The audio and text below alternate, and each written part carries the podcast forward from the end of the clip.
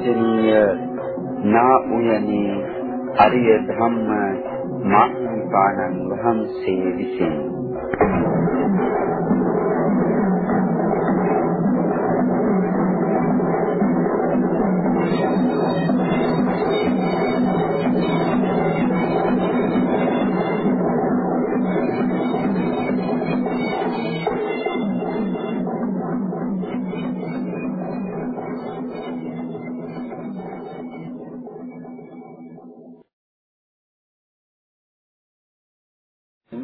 තස්සේ භගවතු අරහතෝ සම්මා සම්බුද්දස්සේ නමෝ තස්සේ භගවතු අරහතෝ සම්මා සම්බුද්දස්සේ නමෝ තස්සේ භගවතු අරහතෝ සම්මා සම්බුද්දස්සේ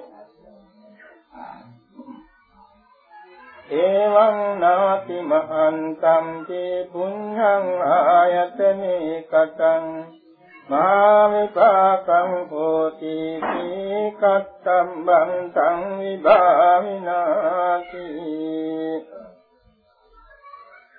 ශ්‍රද්ධාවන්ත පින්නතුනි තුන් ලෝකාග්‍ර වූ භාග්‍යවත් අරිහත් සම්මා සම්බුදුරජාණන් වහන්සේ අනදමාහිමිපාණන් වහන්සේ අමතා දේශනා කළ දානං ලංකිතන්ත දේශනාවක් ඉදිරිපත් කෙරෙන එසේම ත්‍රිලක්ෂණ විපස්සනාව සිහිගන් වෙන ධර්මදේශනයකට අයත් ගාථාවක් මේ ප්‍රකාශ වුණේ.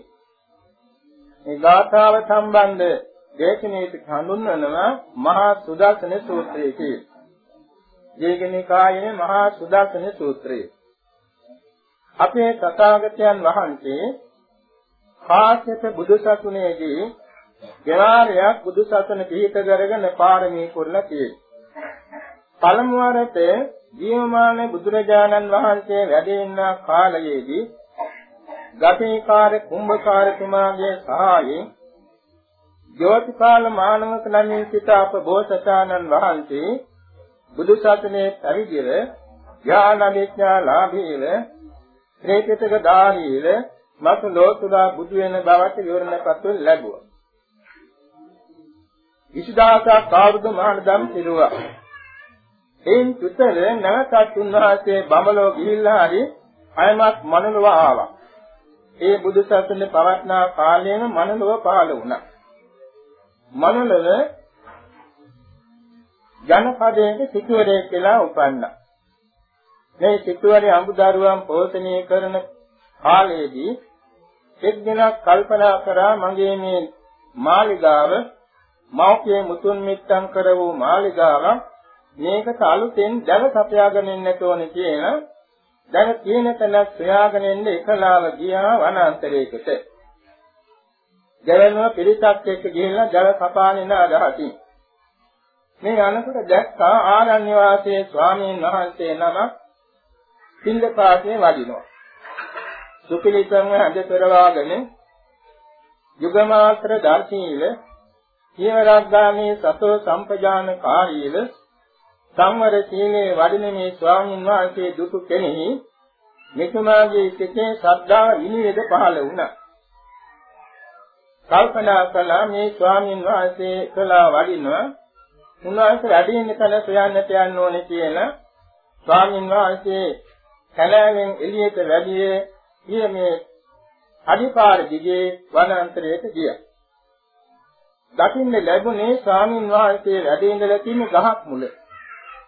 කුටියක් නෑ, ගල් ගුහාවක් නෑ, මොනවාක්වත් නෑ, ගහක් මුල. කල්පනා කළා මෙතුමන් නුවණින් මේ ස්වාමින් වහන්සේ අපත වාගේ හොඳ මාලිගාවක් හදාගෙන සංගිනේ මුතුමැණික් ආදී සම්පත් ඇතිව සතෙන් ජීවත් වෙන්න පුළුවන්කම තිබෙද්දී කතාවතක් හඳ පෙරවාගෙන වනගතව මෙවැනි නැති මදුරු අවගත තුලන් විසකුරු චර්පාදීන්ගේ සීතල උණුසුමුගේ පීඩා විඳිමින් මානදම් පුරන්නේ සතර දුකින් මිදී නිවන් දකින්න නේද? මෙවැනි උතුමන් අනුකම්පාවෙන් අපි අනුග්‍රහ කළ යුතුයි නේද? කියලා තමන් යන කාර්ය බවවට කල් දාලා තමන්ගේම දෑතින් දී දඬු කපලා එතන ඉතා ඉක්මනින් කුඩා කල්පතක් කුටියක් හැදුවා. වාඩි වෙන්න සුදුසු ඇටියට ලී දඬු වලින් මැස්සක්. දිගා වෙලා තැතෙන්න සුදුසු ඇටින දී දඬු වලින් මැස්සක් මේවා හදලා පැත්තකට වෙලා බලා හිටියා. ස්වාමින් වහන්සේ බොහොම දුරස්තර ගමකයි පිණිසුගා වඩින්නේ. දානි වාංගලා එනකොට ඉරවර වුණා. ආපු ගමම්ම මේ කුටිය දැකලා හරිම සන්තෝෂෙන් මේ ඇතුල් වෙලා වාඩි වුණා. මෙතුමා ගෙයින්නේ සිටුවරයාගෙන් වැඳලා කිව්වා ස්වාමීනි මේ වැනි කුටි සෙනසුන් ස්වාමීන් වහන්සේලාට කැපද? එසේ පින්නත මේක බොහෝම වටිනා උපකාරයක් මට. මේ දෙතර මම මේ ගාමලිහිතේ රැත්තට දෙමෙනවා මැටි මඳුරු කේද අපමණයි. දැන් ඉතින් මට රැත්තෙන් දෙන්නේ නැතුව පිනිබාන්න නැතුව මැටි මඳුරු කීදාවන්ගෙන් යම් පමණක් ආරක්ෂාතුව මේ මහානදම් පුරා ගන්න ලොකු උදව්වක් මේ කරලා තියෙන්නේ. තමුන්නාසයේ දෑතින් මේක හැදුවා නම් තමුන්නාසයේ දෑත සිතූ පැතූ සම්පල් ලැබෙන සුරතුරක් වැනි පුණ්‍යවන්ත දෑතක් වේවා කියලා පින් දුන්නා. මේ සිටුතුමා කිව්වා ස්වාමීනි මේක తాවකාලික කුටියක්. ස්වාමීන් වහන්සේට මම මගේ අමුදරුවන් එක කැපකරු දායකෝ වෙනවා. මම දෙහිනේ ස්වාමීන් වහන්සේට උවසන් කරන කැපකරු දායකයෙක් වශයෙන් පිළිගනු මැනව. ස්වාමීනි මට මේ අසල ඉස්තාවර කුටියක් හදාගලා හදාලා පූජා කරන්න ඕනේ ඊට මට අවසර ලැබේවා. ස්වාමීනි ගමේ පිළිසුදා වැඩිහාම දාන ලැබුණා හෝ නොලැබුණා හෝ වැළඳීම සඳහා මගේ නිවසට වඩන තේක්වා මම ඔබ වහන්සේගේ කැපකරු දායකයෙක් වෙනවා කියලා බොහොම ගෞරවයෙන් ආරාධනා කළා. ස්වාමීන් වහන්සේ බොහොම මෛත්‍රියෙන් ඒක පිළිගත්තා. මෙතුමා ලොබෝ දාසකින්ම ඒ අසල එළිපෙහි කරලා කල්පවත්නාසේ වටිනා කුටියක් හැදුවා. කුටියට අවශ්‍ය ඇඳපුතු ආදී සෑම උපකරණයක්ම එවැගේම දුම් කබල පලා කීලම ශ්‍රවණ පරිස්කාර සම්පූර්ණ කරලා ස්වාමින් වහන්සේට පූජා කරලා වඩා හිඳෙව්වා. දිනපතාම ස්වාමින් වහන්සේ පිළිසඳාගෙන නිවසට ඇවිල්ලා වළඳනවා. දිනපතා මෙතුමා අමුදරුවන් සමග උපස්ථාන සැලසෙනවා. මේම වැඩි කලක් ගියේ නෑ ස්වාමින් වහන්සේ උතුම් ලෙස පිළිනකල භාවනා වඩලා නුඹ කාලයකින්ම සව් කෙලෙස් නැසා මහා රහත් භාවයට පත් වේවදා. සාතන් වහන්සේ නමක් වශයෙන් මේ කුටියේ වැඩ ඉඳලා යම් දාසක පිරිනවන් පෑවා. ආදාන කටයුතු ආදී සියල්ලක් මෙතුමාගේ දෑතින් සිද්ධ කළා. ආනන්ද ස්වාමීන් වහන්සේට දේශනා කරන ආනන්දයේ මම එදා සිද්ධ කළේ කුසලයේ කුඩා කියලා හිතන් දෙපා. එදා ඒ එකම ස්වාමීන් වහන්සේ නමකට මං උපස්ථාන කෙනේ අනන්ත ගුණ ඇති මහා සංඝරත්නයේ ගුණස්කන්ධය අදහාගෙනයි. ආනන්දේ ඒ හේතුවෙන් මට ආත්මාව හතක්ම චක්‍රවර්ති රාජ්‍ය ලැබුණා.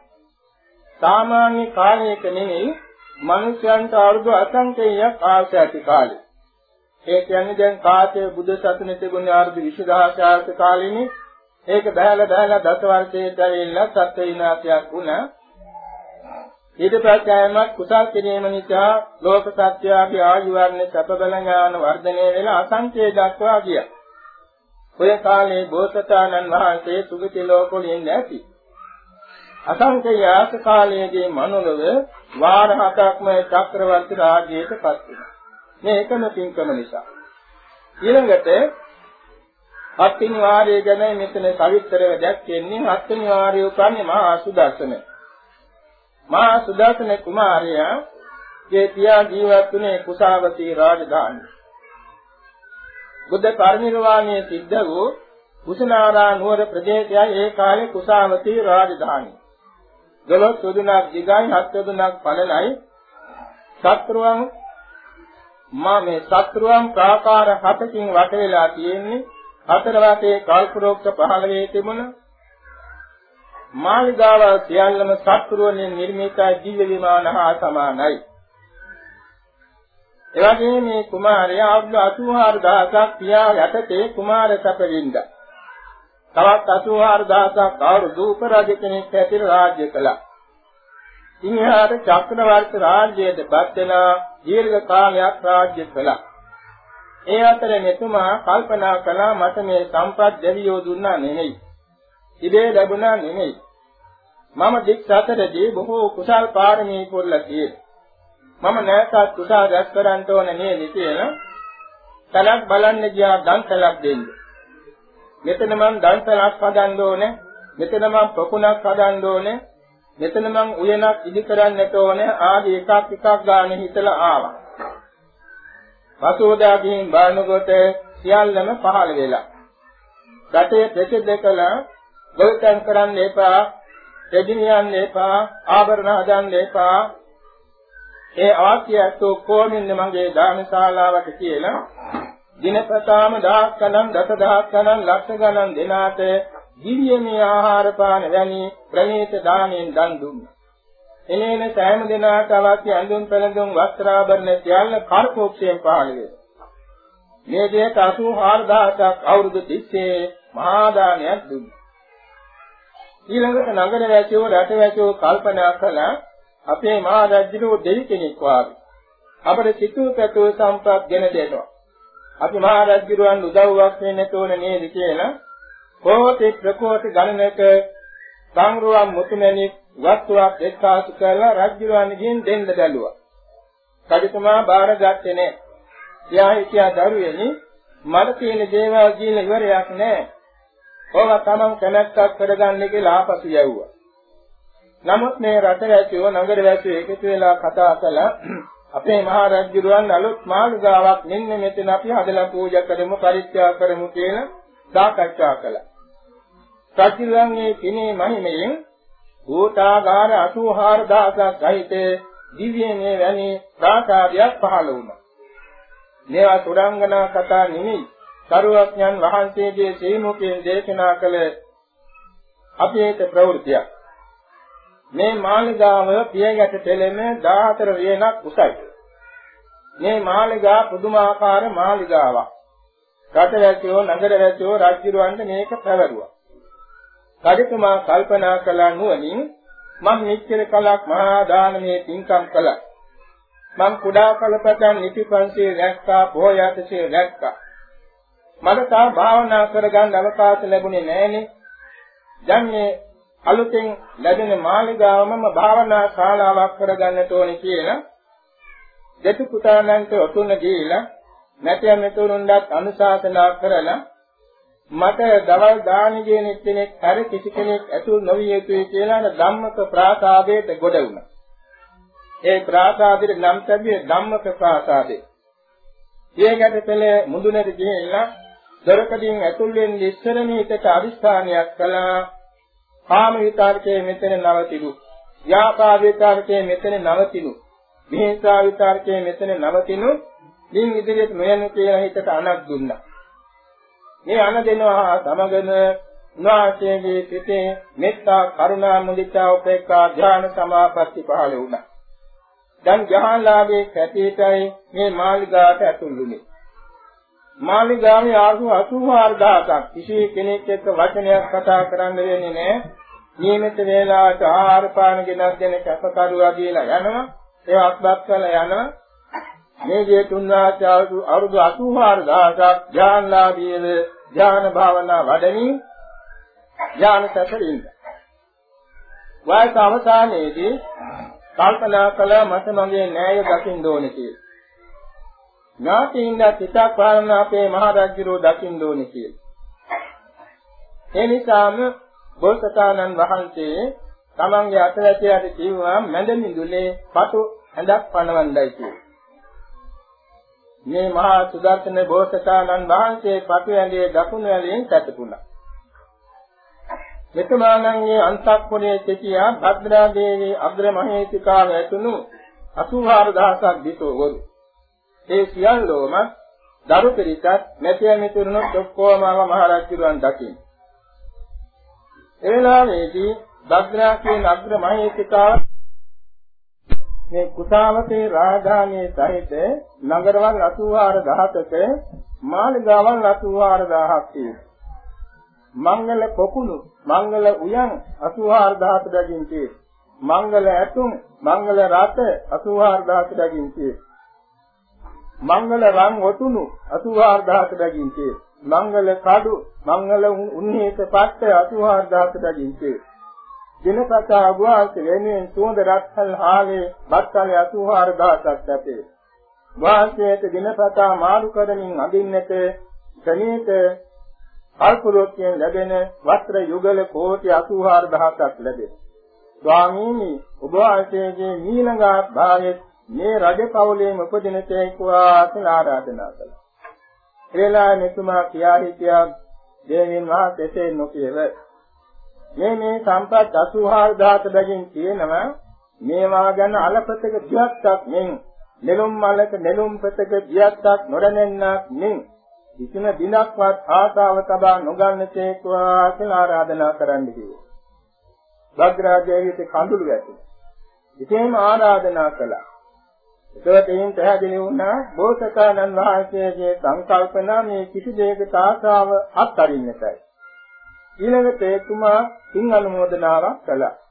මම කුඩා කාලයේ පටන් නිතිපන්තිය දැක්කා, බොහෝ යටසිය දැක්කා, මෞපිය උපස්ථාන කළා. අවුරුදු 84000ක් තිස්සේ මහා දානමේ පින්කමක් කළා. අවුරුදු 84000ක් තිස්සේ මේ සීලයක තේචා භාවනා යෝගීව ධ්‍යාන වැඩුවා. මගේ ජීවිතේ පුරා කරගන්නා ලද සෑම කුසලයක් මගේ මේ නෑද පිළිස මගේ රටවාසී සියලු දෙනා අනුමෝදන් වෙත්වා. ඔබ අතර ජීවත් වෙන කාලය තුල මගේ සිදුරින් යම් පමාදොසක් එනම් සමාවෙත්වා. ඔබ අතරින් ගෙන්වා දමම බමලෝ යනවා. බබලවෙන් නැවත ඇවිල්ලා ප්‍රාරණී කරනවා. මතු ලෝතුරා බුදු වෙනවා. ඔබ සෑම දෙනාද ඒ බුදු පිරිසට එකතු වී නිවන් දකිත්වා කියලා ආරාධනා කළා. මේ දෙක පියාගත්තා. මේ දෙක පියාගත්ත ගමන් සැප ආහාරයක් ගත්ත නිරෝගී කෙනෙක් සැප නින්දට යනවා වගේ ඒ මොහොතේම චුත වෙලා බඹලෝ උපන්නා. ඉතින් බුදුරජාණන් වහන්සේ දේශනා කරන බලන්ද ආනන්දගේ එක ස්වාමීන් වහන්සේ කෙනෙකුට එක කුටියක් කරවා පූජා කළ බැවින් හත්වරක් චක්‍රවර්ති රාජ්‍ය. එවාගෙම 84000 බැගින් මාළිගා. කල්පරොක්ෂ 84000 බැගින්. අනිත් හැම දෙයක්ම 84000 බැගින්. ඒ මක් නිසාද දිනේ කියන එක පුංචි කියලා හිතන්න එපා විපාක දෙන්න ගියාම අනන්ත විපාක දෙන්න. බලන්න ආනන්දේ එදා තිබුණා වූ ඒ සත්‍රුවන් මාළිගා දැන් නේද? ඒ සත්‍රුවන් ප්‍රාකාර වලනු අද නෑ නේද? ඒ කාලයේ තිබුණු කල්පරුක්ෂ කිසිවක් අද නෑ නේද? ඒ කාලේ 84000ක් නගරවල් අද කිසිවක් නෑ නේද? ඒ කාලයේ තිබුණු රංගදී මුතුමැණික් මොනවාක්වත් අද නෑ නේද? බලන්න ආනන්දයේ සියලු සංස්කාර අනිත්‍යයි නේද? සියලු සංස්කාර తాවකාලිකයි නේද? සියලු සංස්කාර අත්‍යතින්ෙන් තොරයි නේද? ඒ නිසා සියලු සංස්කාරයන් ගැන අනිත්‍ය ලක්ෂණය දැක්විය යුතු නේද? සියලු සංස්කාරයන් ගැන දුක්ඛ ලක්ෂණය දැක්විය යුතුයි නේද? සියලු සංස්කාරයන් ගැන අනාත්ම ලක්ෂණය දැකිය යුතුයි නේද? සියලු සංස්කාරයන් ගැන අනියමෙන් තොරවිය යුතුයි නේද? සියලු සංස්කාරයන් ගැන කලකිරීම යුතුයි නේද? සියලු සංස්කාරයන් ගැන ආසාවත් හැවිය යුතුයි නේද කියලා මේ දේශනාව නිමවා වදාලා. ඒ දේශනාවට අදාළ ගාථාවයි මේ කියුනේ එවං නාති මහන්තම් කී පුඤ්ඤං ආයතනේ කතං මහාමිපාකං කෝති තේ කත්තම්බන්තං විභාවිනා මෙසේ අති මහත් නොවුද කුසලයේ නියම පුණ්‍යායතනයක සිද්ධ කිරීම නිසා මහා විපාක ගෙන දෙන බව නුවණින් දැනගෙන නැනවතා විසින් ස්වල්ප වූද මහත් වූද කින්කම් කිරීමට අප්‍රමාද විය යුතුයි කියන එකයි ගාථාවේ අනුශාසනය. දැන් මේ වේලාවේ අපි සෑම දෙනාගේම චිත්ත සංකල්පනා පවතින්නේ බුද්ධ ශාසනය වෙනුවෙන්. අපි දීර්ඝ සංසාරේ කරගෙන ආව මහා කුසල විපාකයන් නිසා අපට අද බුද්ධෝත්පාද කාලයේ සම්මුඛ වුණා. ඒ බුද්ධෝත්පාද කාලේ ඥාන සම්පන්න මනුෂ්‍ය ජීවිතයක් අපට ලැබුණා. කල්යාණ මිත්‍රාශ්‍රයයක් ලැබුණා, සද්ධර්මයක් ලැබුණා, සාසනය පැවිද්දක් අද පවතිනවා. මේ කාරණා සියල්ල ලැබී ඇති බැවින් අපේ ජීවිත බොහෝ වාග්යවන්ත ජීවිත. ඒ වාග්යවන්ත ජීවිත තුළින් ලබා ගන්න පුළුවන් උසස් මාර්ගය තමයි දාන සීල භාවනා මුල් කොට ඇති සීල සමාධි ප්‍රඥා ගුණ පූර්ණේ කරමින් ආර්ය අෂ්ටාංග මාර්ගයේ ගමන් කිරීම ආර්ය අෂ්ටාංග මාර්ගයේ ගමන් කිරීම සඳහා දීපෑද සෑම දිනාටම සම්මා සම්බුදුරජාණන් වහන්සේ උපදෙස් කියලා තියෙනවා දැන් අපි මේ මහා දානයක් සිද්ධ කරනවා. එවැගේම මේ රත්නගිරි වික්ඛු වික්ඛු විවේකාශ්‍රමයේ තියෙන ආශ්‍රමයක් සංඝ සතු කොට පූජා කරලා තියෙනවා.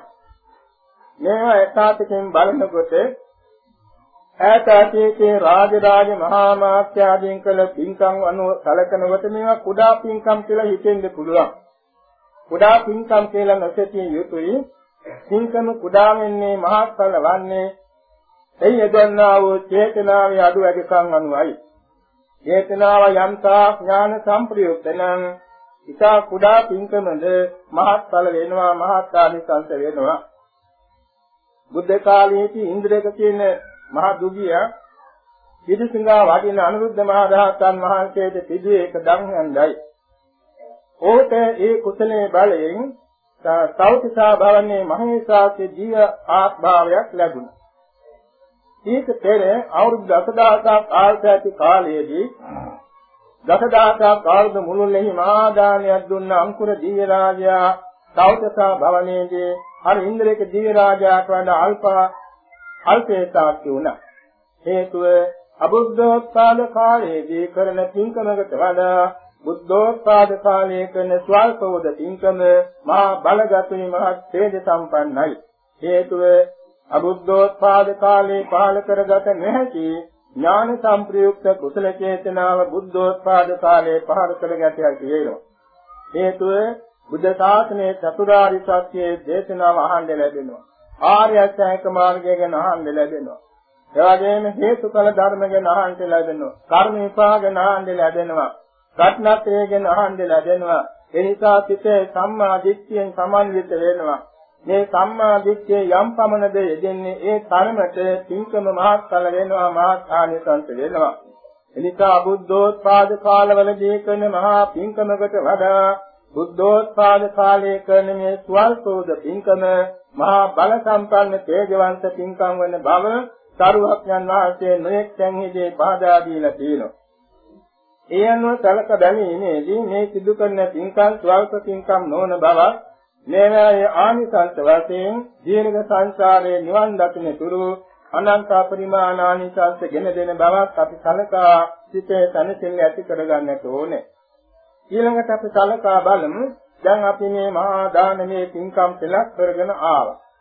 විශේෂයෙන් රත්නගිනි විදික්කේ කාත්‍රමේ ශාසනගත කොට පූජා කිරීම මහා සංඝ රත්නයේ වෙනුවෙන් ස්වාමින් වහන්සේ වඩා හිඳුවලා උපස්ථාන කිරීම එවාගෙම නිතර නිතර සීල පිරිසුදු කර ගැනීම, සේවත් සමාදන් වීම, බණ ඇසීම, භාවනා පන්තිවල සහභාගී වීම ආදී වශයෙන් බොහෝ කුසාගත කර ගන්න අතරත ඊයේ දවසේ මහා සංඝරත්නයේ වැඩම කරවාගෙන ගෞරව සම්ප්‍රයුක්තව පිළිගෙන නැවතම් ප්‍රාපුකම් ආවාස ප්‍රාපුකම් පිළිගන්වා ගිලම්පත දාන පිළිනම පරිත්‍රාණ ධර්ම දේශනයේ සවන් දීම බුද්ධ පූජා පැවැත්වීම උදාසන මහා සංඝරත්නයේ වෙතේ දානේ පිරිනැමීම බුද්ධ පූජා පැවැත්වීම පිරිද්දේශනෙද සවන් දීම දැන් මේ වේලාවේ පිළිසුඳා වැඩි මහා සංඝරෝණ ගෞරවයෙන් පිළිගෙන දෙපාදෝ අසුන් පනවා වඩා හිඳුවා සින්දපාත දානේ පිරිනම සීලයක පිටා බණ පදයක් ගැටීම ආදී පින්කම් රාශියක් තේරියට සිද්ධ වුණා.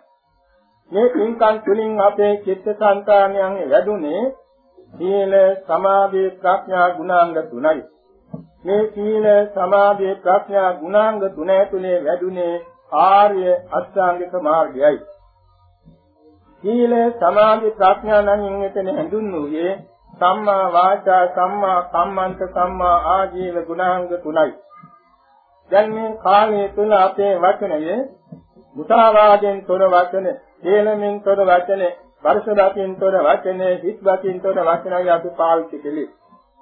ඒකෙන්නේ සම්මා වාචා නමින් අපි සීලක් සංගයක් කෙරුවා.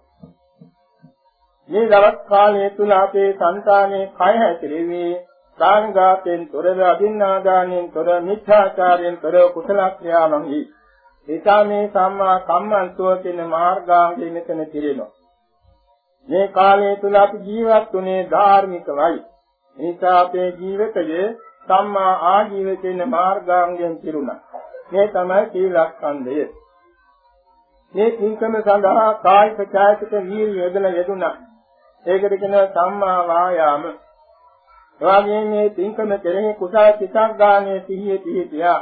ඒ සම්මා සතිය. කුසල සිතක් ගානේ ඒකාග්‍රතාව පහළ වුණ සම්මා සමාධියේ. එවාගේ මේ තින්කම සිද්ධ කෙලේ නුවණින් සලකා එහිලා අදුනා වූ සම්‍යක් දෘෂ්ටියේවත් ප්‍රඥාව සම්මා දිට්ඨියයි. නිවන් පතාගෙන කරුණාව මෛත්‍රී පෙරකපුරගෙන සිදු කරන ගරින් සම්මා සංකල්පනාවයි. මේක තමයි ප්‍රඥාව. මේ නිසා සීල සමාධි ප්‍රඥා තීරිතෙන් ආර්ය අෂ්ටාංග මාර්ගයේ કોઈ අබා අපමේ සම්පූර්ණ කළා තියෙන්නේ. ඒකම ආර්ය අෂ්ටාංග මාර්ගයේ අභ්‍යන්තරයේ වැඩෙනවා බෝධිපාක්ෂික ධර්ම 37. පාරමී 10. මේවායේ ශක්තිය මෙතෙකයි කියලා ප්‍රමාණ කරන්න පුළුවන් කමක් නැහැ. එනිසා මේවායේ ශක්තිය සමන්නත් මේ පරිලෝකයේ මෞඛ්‍ය ගුරුවර බන්ධ මිත්‍ර පුත්‍ර කලත්‍රා දීන්කත් ආරක්ෂක දෙවියන්ටත් අනුමෝදන් වෙන සමස්ත ලෝක සත්‍යයටත් ලෝකේ ලෝතුරා සම්ප්‍රත් නෙලා ගන්න හේතු වෙන්නේ මහා පුණ්‍ය නිදානයක් බව කල්පනා කොට සිටේ සනසිල්ල ඇති කර ගන්නට ඕනේ. අපේ සරුවක්ඥන් වහන්සේලා අනදමාහිමියන් වහන්සේට මේ දේශනේ පැවැත්තුවා. ඒ තථාගතයන් වහන්සේ විශ්වාසන්තේ කල්පලක්ෂයක් බෝධි සම්භාර පුරාගෙන ඇයි බොමලාදා වැඩේඳගෙන මාර පරාජයකට ලෝතුරා බුදු වී 45 අවුරුද්ද මුළුල්ලේ ලෝක අමාදාම් යැසි වස්වල සූවිසාසංකේය නව කෝටි 60 ලක්ෂයක් දෙනාට අමා මහ නිවන් සුව ආબોධ කරවා වදාලා අනාගතයේ බල අවුරුදු 5000කට වැඩි කලක් ලොව උපදින පුණ්‍යවන්තයන් හිතකෝ පිණිස අදිස්ථාන බල පීතුවා මානෙල් මාතුන ඊදෙන ශ්‍රීමුක ප්‍රඥයෙන් අත්ංග සමන්වාගත බ්‍රහ්මස්වරයෙන් සුදු බුදුරැස් වේදන දලදාස් වර්ගයෙන් ස්වාතුදාස ධර්මස්කන්ධය දේශනා කළා. සමන් වාසයේ දිනපතා සූවිසි කෝටි ලක්ෂ වාර ගණන් සහත් ඵල සමවතින් නිවන් සප වළඳමින් සිට දසදාසක් ලෝක ධාතු ඒකාලෝක කරමින් තිබුණු මිහිපානක් නිවියන්නාක් මෙන් අනුපාදිතේත පරිනිර්වාණය නිවන් කොට ගැතියා. ශ්‍රාකත වැඩිහිටියේ නික්ලේශී මහරහතන් වහන්සේලාද පිරිනිවුණා. සසු ආර්යයන් වහන්සේලා ආයුෂ්‍යයේ කෙලවර සුගතිගාමී වුණා. දසු ප්‍රතුජන ජනතාව සෝකේ කර්ම රූපව සුගති ලෝකවලට ගියා. වැඩිහිටි විහාරස්ථානද එවකට පැවතී සොළොස් මහා ජනපද රාජධානි වියන් පොකුණු මාලිගා ආදී සියල්ලද කාලයාගේ ඇලෑමෙන් නැස්තාවකේ වුණා.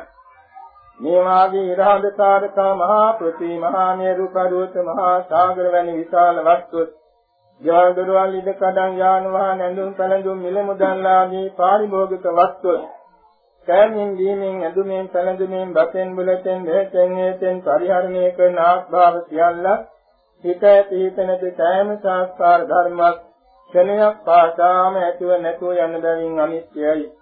ඇතිවීම නැතිවීම දෙකෙන් නිරතුරු පෙළෙන බැවින් දුකයි. කැමති කැමතිසේ නොපවත්නා බැවින් අනත්තයි පිළිකුල් බැවින් අසුභයි අනිත්‍ය දුක්ඛ අනාත්ම අසුභවෝ සියලුම නාම රූප සංස්කාර ධර්ම පරමාර්ථ වශයෙන් දුක්ඛාරි සත්‍යයි. ඒ දුක උපදවන තෘෂ්ණාව දුක්ඛ සමුදයාරි සත්‍යයි. ඒ දෙකම නැති කාන්ත නිර්වාණ ධාතුව දුක්ඛ නිරෝධාරි සත්‍යයි නිර්වාණ ධාතුව සාක්ෂාත් කර ගැනීම සඳහා වැඩි යුතු ආර්ය අෂ්ටාංගික මාර්ගයේ දුක්ඛ නිරෝධ ගාමිනී ප්‍රතිපදානි සත්‍යං වෙනවා. අනන්ත පරිමාණ බුදුපසේ බුදුමහරහතුන් වහන්සේලා දීර්ඝ කාලයක් පිරෝදානාදී පාරමී දෙලෙන් මේ ආර්ය සත්‍ය අතර ආબોධ කරගෙන අජරාමර අමාම නිවන් වැඩියා. දසර දුක් තරණේ කොට කෙලෙස් නිමල නිවාසාන්ත නිවනින් සැනසී වදාළේ බුදුපසේ බුදුමහා රහතන් වහන්සේලාට සිතින් කයින් වචනින් සම කල්යතේ ගෞරවාචාර උත්තමාංග නමස්කාරය වේවා. අපේ ජීවිතේ පුරා රැස්පත් වෙන සෑම කුසලයක්ම අපටත් පාලනී භවත ආර්ය අෂ්ටාංගික මාර්ග භවත බෝධිපාක්ෂ ධර්ම වාටපත් වී සතු බෝධියෙන් චතුරාර්ය සත්‍ය ධර්මයේ සුවසේ ආબોධ වේවා කියා ප්‍රාර්ථනා පිහිටුවා ගනිමු ඉතාම ගෞරව සම්ප්‍රයුක්තව සිද්ධ කරන මේ මහා පින්කමේ පුණ්‍ය ලාභය විශේෂයෙන් අනුමෝදන් කරන ලබන්නේ මේ රත්නගිරි විශ්වවිද්‍යාලයේ මධ්‍යස්ථානයේ සාසනගත කොට පූජා කළ සින්වත් දොස්තර දඩ්ඩි බණ්ඩාර මෙතුමාණන්ගේ මව්පිය දෙදෙනා වහන්සේ වන ජාවීර මුදියන්සේලාගේ ජයවර්ධන පොඩි නිලමේ මෙතුමාණන්වත් දෝන ඇලිස් සේනාන් සත්න මණිකේ මාතාවටත් එවැගේම ආසාවන ජාවීර මුදියන්සේලාගේ මර්තේලි සක්වාම මෙතුමාණන්වත් සෝරු දෙපළ වෙන කුණපාල බණ්ඩාරේ සිටපු විදුහල්පති කුමාරයන්ටත් කරුණාරත්න බණ්ඩාර සුදුරාලාමි කුමාරයන්ටත් එවැගේම සින්වත් මයුරා බණ්ඩාර මහත්මණීගේ දයාබර මෞඛ්‍ය දෙදෙනා වහන්සේ වෙන දොන් ඒබ්‍රාම් සේනානායක මැතිතුමාණන්ද සිකිරිමණිකේ සේනානායක මාතාවට සෝහිතුමාණන් වෙන දොස්තර පද්මසිරි සේනානායක මැතිතුමාණන්ද මේ මහා ඒකාක්ෂි පුණ්‍යලාභයක් වේවා. මෙකින් දෙලින් මේ සීලම දෙනා සතර වචනා තුරු බෝධිසත්ව ගුණ ධර්මයෙන් දාන ආදී දසපාරමී සපුරමින් සුගතිය සුගතියේ සප්‍රාප්ත වෙමින් මතු අනාගතේ ප්‍රතු බෝධි ඥාන වලින් අජරාමර සාන්ත අමා මහ නිවන් සුව ලබත්වා ආත්‍ය කරුණාවෙන් පින් පමුණුවමු. එතෙම කෝජ්‍ය ගාල්ලේ සංඝ සුභද්‍ර ස්වාමීන් වහන්සේගේ පියාණන් වහන්සේ වෙන ගාල්ල ඉස්ලාමික මහා මහින්ද විදුහල්පතිතුමා නම් වෙන ජේ.එස්. ගුණසේකර මෙතුමාණන්ට මේ පුණ්‍යලාභයක් වේවා එතුමාණන්ගේ පුනර්භවයේ නිවන් දකින්නතුරු සුගතියක්ම වේවා.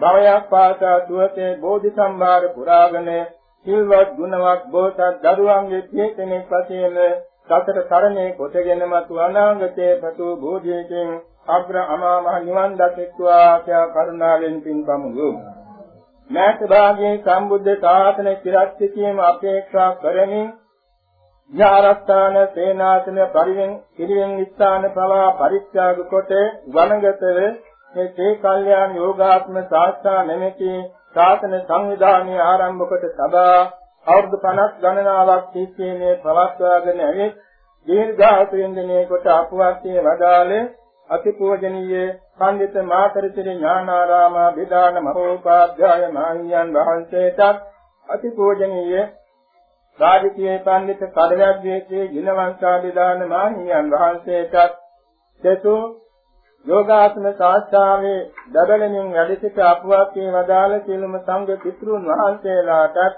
මේ පුණ්‍යලාභයත් වේවා. ඒ මාහිමියන් වහන්සේලාටද භවයක් පාසා සුගති සම්ප්‍රත් සිද්ධව දුවසේ බෝධි සම්භාර මුදුන්පත් මතු ලෝතුරා බුදුබාමත් වේවා. ආත්‍යා ගුරු ගැතිය සිහිපත් කරන අතරතේ තවත් විශේෂ වශයෙන් මාස 3කට පෙර අපවත් වේවදාල අපට බොහොම ගෞරවයෙන් ආදරයෙන් උපකාරීව සිට අපවත් වේවදාල බුදුම ජාතික දදන්ත අග්ගමහා පඬිත ඥානින්ද ත්‍යාගෝ මාහියන් වහන්සේට මේ පුණ්‍යලාභයක් වේවා. උනාසයේද භාවයක් පාසා දුගති සම්ප්‍රඥ සිද්ධ වේ මතු අනාගතේ ලෝතුරා බුදු බවත් වේවා අපි ගෞරවයෙන් පින් පමුණුවනවා ඒකම විශේෂයෙන්ම මේ ස්ථානාදී ගුණේත වූද මේ ප්‍රදේශාදී ගුණේත වූද ශාසනාරක්ෂක ලෝකපාලක ආත්මාරක්ෂක වූ දිස්ස දේවතා මණ්ඩලය මේ උදාර කුසලයේ අනුමෝදන්ව දිව්‍යමේ ආයු වර්ණ සතබල ඓශ්වර්යයෙන් වැඩෙත්වා ගෞතම සම්බුද්ධ ශාසනයේ ශ්‍රී ලංකා දීපේට බෞද්ධ ජනතාවට.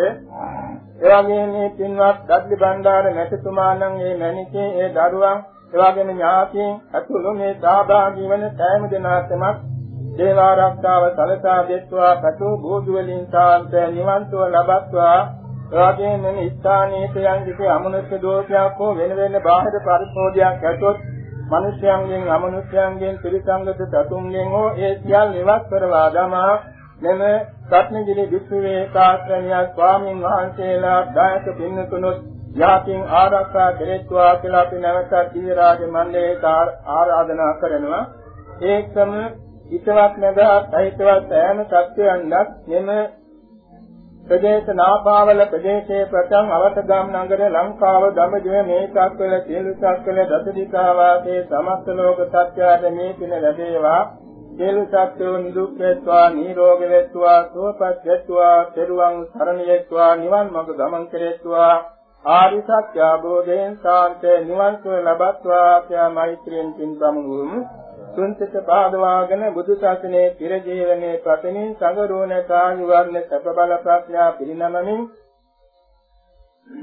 නිස්සාරණාඥාසයෙන් සිදු කරගන්නා ලද මේ උදාර කුසලානුභාවයෙන් හා බුද්ධාදී රත්නත්‍රානුභාව බලයෙන් දීරාජ මණ්ඩලයේ රැකවරණින් හා කල්යාණ මිත්‍රයන්ගේ ආශිර්වාද බලයෙන් මේ පින්කම් වලට නිරතුරුවම අනුශාසනා කරන පූජ්‍ය ගාල්ලේ සංඝ සුභද්‍ර ස්වාමීන් වහන්සේට වාතර සහාය සඳහා වැඩම කරන සීලුම ස්වාමීන් වහන්සේලාටත් මේ මෑණියන්ටත් ඒ වගේම පින්වත් දොස්තර දන්ති බණ්ඩාර මැතිතුමාණන්ගේ මැනිසේ දූ දරුවන් ඒ වගේම ඥාති මිත්‍රයන් සහිත සිළු දෙනාටත් මේ කටයුතු කරන ඉතරම තේවී සිටින මේ බණ්ඩාර මහත්මයාලාදී කොට ඇති කල්යාණ මිත්‍ර සීල මහත්තුරු මවුරු දූ දරු සෑම දෙනාටම සිව්පතෙන් සංග්‍රහ කරන සමතත් නිරවතෙන් ඇති අතනීපකම් අපලෝපද්‍රව අතුරු අන්තරා නවග්‍රහ දෝෂ සතුරු කරදර මාර්ග බාධක සියල්ල හිරුදුතු අඳුරුසේ විහෙත විද්වාංශනේ වේවා. සබන සබන පියරක් ගානේ රත්නත්‍රේ සතු සූවිසි මහා ගුණේ අසීමිත ආරක්ෂා නිරතුරුව පිහිට වේවා. කුසල් අරමුණෙන් සමාධියේ සිටින් නෙත් සිටින් බුදු ගුණ දෙලෙන් සමදා සැපෙන් ඉන්දියාව සැපෙන් අවදි වේවා. ලපුරු තේන නොපෙනේවා දෙවියන්ගේ බ්‍රහ්මයන්ගේ මිනිස්යන්ගේ අමනුෂ්‍යයන්ගේ චිත්ත ප්‍රසාදයේ නිරතුරුව ලැබේවා. දෙවියන්ගේ බ්‍රහ්මයන්ගේ ආරක්ෂාව සැලසේවා. රජතොර චතුරු දිනජල වශයෙන් අවියාවදාන විපතක් නොමලේවා. කායික මානසික තනසිල්ලේ දෙලව දුණුව නිවන් මඟ පාරමී ගුණ මුදුන්පත් වේවා. ගුණ නුවණින් ධන දාන්නේ යතේතුරෙන් ආයුවන්න සැපබල ප්‍රඥාවෙන් නිත්‍ය කේල උපෝසත කේල සූබම විහෙරණ සතර සංග්‍රහ වස්තු දසපාලිනිකාගේ බෝසත් ගුණයන්ගෙන් පෙරපත මෝරණ සඳක්යෙන් දිනින් දින ජීුණු වේවා. සම්්‍යක් ප්‍රාර්ථනා සියල්ල පූර්ණ චන්ද්‍රයාසේ සමුර්ධිමත් වේවා. දින්සත් සතවර්ෂාදිත කාලයක් අතරක් නැර මේ බුදු සසුනේ පාරමී පුරා ගැනීමට පෙරුවන් තේතෙන්න දීර්ඝාස ලැබේවා. සතර වසනාතුරු භවයක් පාසා ශ්‍රේෂ්ඨ කල්යාණ මිත්‍ර සම්ප්‍රත්‍ය ඇතුව නිවන් මඟ යා ගැනීමට ජාති ජාතිත් වාසනාව වේවා. සිල්වත් ගුණවත් නැනවත් බෝසත් දෙමෝපියන් සහෝදර සහෝදරියන් දූ දරුවන් නෑදෑ හිත මිතුරන් සේවක සේවිකාවන් කැටුව දුවසේ පාරමී ගුණ සපුරා දුක්ඛ සමුදය නිරෝධේ මග්ගේ චතුරාර්ය සත්‍ය අවබෝධයෙන් බුදුපසේ බුදුමහා රහතුන් වහන්සේ නිවී තනසේ තනිනවදාලේ සදාකාලික කාන්ත ප්‍රණීත ලෝකෝත්තරාග්‍ර අමාමහ නිවන් සුව සාක්ෂාත් කර ගැනීම පිණිසම මේ උදාර කුසල සම්භාරය හේතු වේවා වාසනා වේවා කියා නිවන් සුව ප්‍රාර්ථනා කරමු. ඥාතීන්ද දෙවියන්ද සිළු සත්‍යයන්ද පින්පෙත් පමනෝමු ඉදං හෝ ඥාතීනං හෝතු. දාන සීල භාවනා වශයෙන් ਸਰව අප්‍රකාරයෙන් සිදු කරගත් සකල කුසලානිසංස බලයෙන් සෑම දිනකට ආයුරාරෝග්‍ය සී සම්පත් අභිවර්ධනයේ වේවා. කායික මානසික සැනසෙල්ල ලැබේවා. සම්‍යක් ප්‍රාර්ථනා මුදුන්පත් වේවා. දෙලෝ සුභසිත සැලසේවා. කෙලවර සතු බෝධිකින් අග්‍රේ අමා මහ නිවන් සුව සාක්ෂාත් වේවා.